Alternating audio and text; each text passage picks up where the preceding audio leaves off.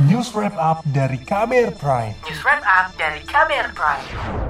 Saudara, sejak ditemukannya kasus positif COVID-19 varian Omikron di Indonesia, pemerintah terus memperketat sejumlah pengawasan aturan perjalanan di lapangan.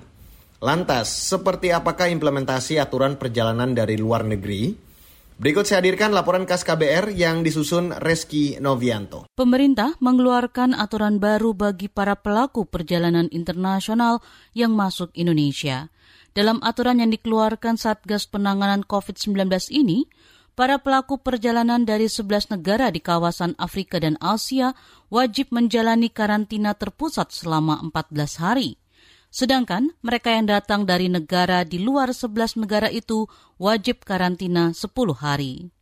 Ketua Satgas Penanganan COVID-19 Suharyanto mengatakan aturan itu dikeluarkan setelah ditemukannya kasus positif dari varian Omikron di tanah air.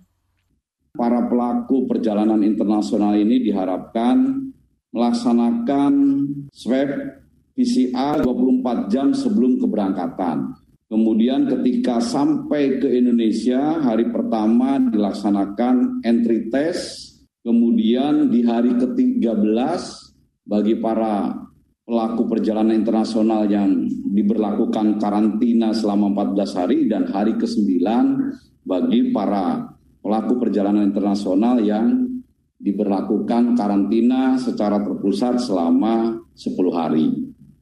Suharyanto mengimbau masyarakat tidak bepergian sementara keluar negeri bila tidak mendesak. Kami himbau untuk masyarakat Indonesia sebaiknya membatasi atau tidak berpergian ke luar negeri kalau tidak mendesak.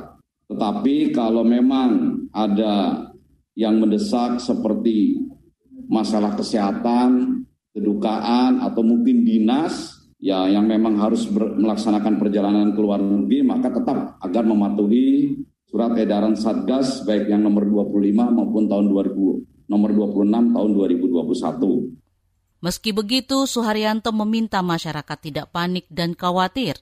Menurutnya, varian Omikron bisa dicegah dengan menerapkan protokol kesehatan ketat serta menjalankan aturan sesuai edaran Satgas. Temuan varian Omikron juga membuat Kementerian Perhubungan menginstruksikan pengetatan syarat perjalanan dan protokol kesehatan di semua moda transportasi, baik darat, laut, udara, serta kereta api. Seperti yang disampaikan juru bicara Kementerian Perhubungan, Adita Irawati baik itu di prasarana seperti di terminal, di stasiun, bandara maupun pelabuhan, dan juga di sarananya seperti di bis, kereta api, kapal maupun pesawat. Selain itu kami terus meningkatkan koordinasi dengan pihak-pihak terkait seperti dengan Polri dan TNI yang banyak membantu dalam melakukan pengawasan penerapan protokol kesehatan di lapangan.